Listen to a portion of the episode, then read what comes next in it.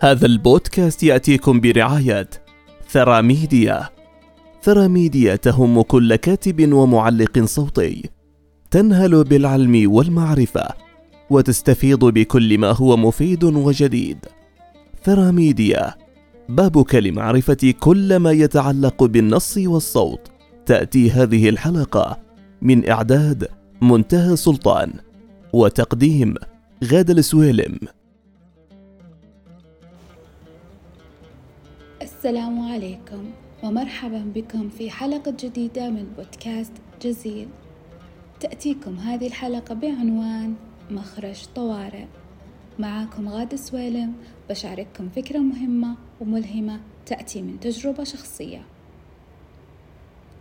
أكيد في حياتنا اليومية نواجه أوقات صعبة لحظات سيئة أيام باهتة تحسسنا بالثقل النفس الداخلي ونحس تراكم الضيق والضغط النفسي والطاقة السلبية فينا وحولنا ومعنا. غالبا نلقى نفسنا ما نهتم بصحتنا الجسدية والنفسية ما نفكر بنفسنا كثير. لكن في أمور يمكن تكون لنا بمثابة مخارج للطوارئ في تلك الأوقات الصعبة. وهي الأشياء اللي نحبها وبسببها نحس بالسعادة والراحة. في هذه الحلقة مخرج للطوارئ راح نكتشف مع بعض مخارج طوارئ خاصة لكل شخص وكيف نصنعها وكيف نصل لها وما هي أهميتها بحياتنا. بنتطرق إلى أهم نقطة وهي الصلاة. لما نواجه الضغوط والمتاعب في حياتنا من السهل أن نفقد الأمل والتفاؤل ولكن الصلاة هي الوسيلة الفعالة للتواصل مع رب العالمين. والوسيلة الأولى لبث الأمل بروحك المنهكة والاستعانة بالله في الأوقات الصعبة هي الحل السليم والصحيح. يمكن للصلاة أن تكون طريقة لتفريغ الهموم والأحزان؟ إيه نعم.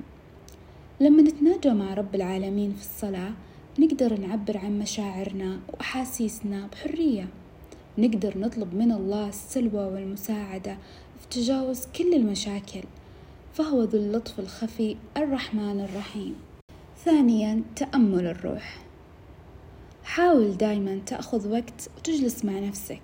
خذ استراحة لنفسك وتأمل في روحك.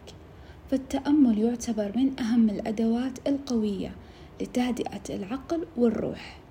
واستخدام تقنيات التنفس العميق للوصول إلى حالة من الاسترخاء العميق والتوازن الداخلي لأن لها دور جدا فعال. ثالثا العناية الذاتية والصحة الروحية.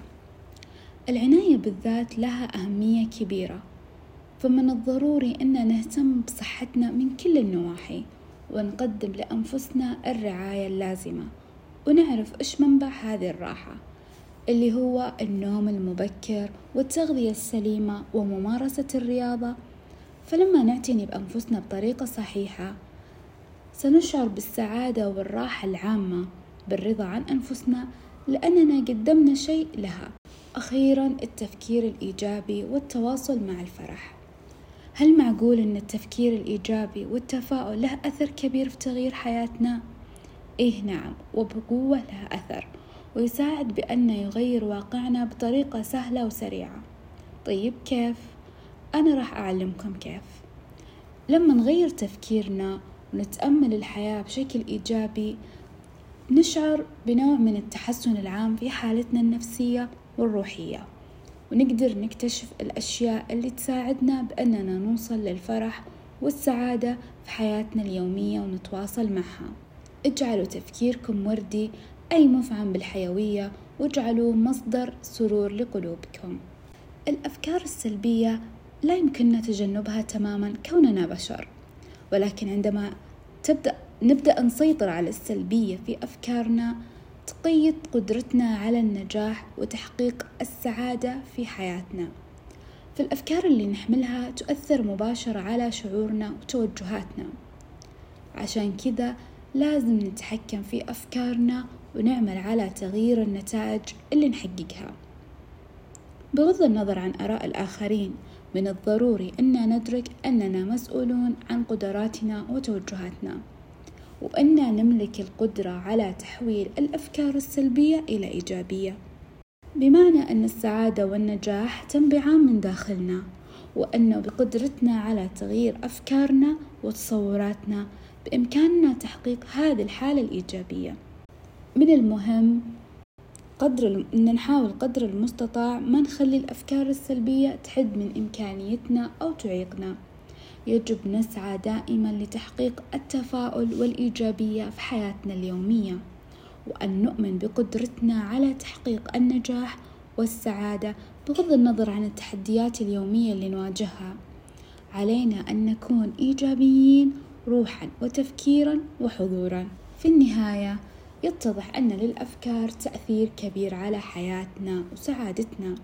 لذا دعونا نعتني بأفكارنا ونعمل على تحويل السلبية إلى إيجابية من خلال تغيير نظرتنا للأمور وتنمية ثقافة التفاؤل والإيجابية في حياتنا. وأخيرا شاكرين لكم استماعكم ومشاركتنا بودكاست جزيل. ولا تنسون شاركوا بودكاست جزيل مع الأشخاص اللي هم بالنسبة لكم كمخرج طوارئ. دمتم بسلام وبود. شكرا لاستماعكم لهذه الحلقة ويسعدنا جدا نشركم لها.